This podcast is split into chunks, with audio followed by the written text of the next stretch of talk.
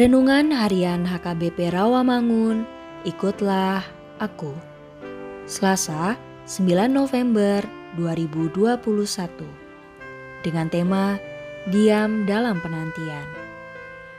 Bacaan pagi kita pada hari ini diambil dari Kejadian 24 ayat 11 sampai 27. Bacaan malam kita pada hari ini diambil dari 1 Timotius 5 ayat 9 sampai 16.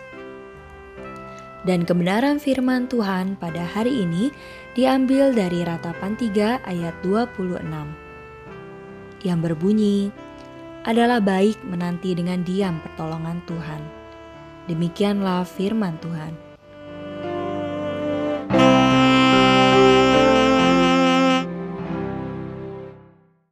Waktu Tuhan pasti yang terbaik, dan pertolongan Tuhan pasti datang tepat pada waktunya. Itu makanya dikatakan bahwa hidup bersama dengan Tuhan indah pada waktunya, terhadap apa pun yang terjadi dalam hidup kita. Kita sudah terbiasa dengan yang namanya instan. Berdoa juga begitu. Setelah amin, maunya langsung terkabul doanya. Dalam memohon juga selalu ingin permohonannya dikabulkan tidak sabar menunggu proses, apalagi menunggu waktu yang berjalan. Kita sering tergoda untuk mempercepat waktu Tuhan dengan usaha daging, padahal Tuhan mengendaki kita menanti dengan diam. Karena ada saatnya yang kita tidak ketahui bahwa Tuhan menghendaki kita berdoa saja dan diam menanti pertolongannya.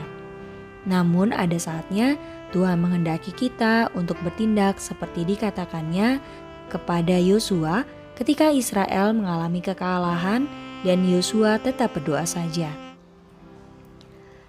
Sering karena kita tidak sabar menanti, akhirnya kita melakukan sesuatu mendahului Tuhan.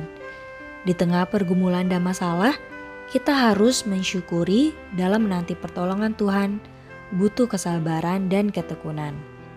Dan ketika Tuhan sepertinya diam, itu artinya Tuhan ingin menantikan dengan sabar. Tuhan ingin membangun iman kita, dan selama masa penantian, kita harus percaya bahwa Tuhan mendengar dan sedang bekerja untuk kita.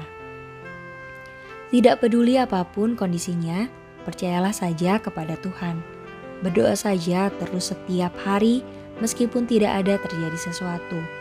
Berdoa terus hingga sesuatu yang baik diizinkan terjadi dalam hidup kita melalui kebesaran karya tangan kuasa Tuhan. Marilah kita berdoa.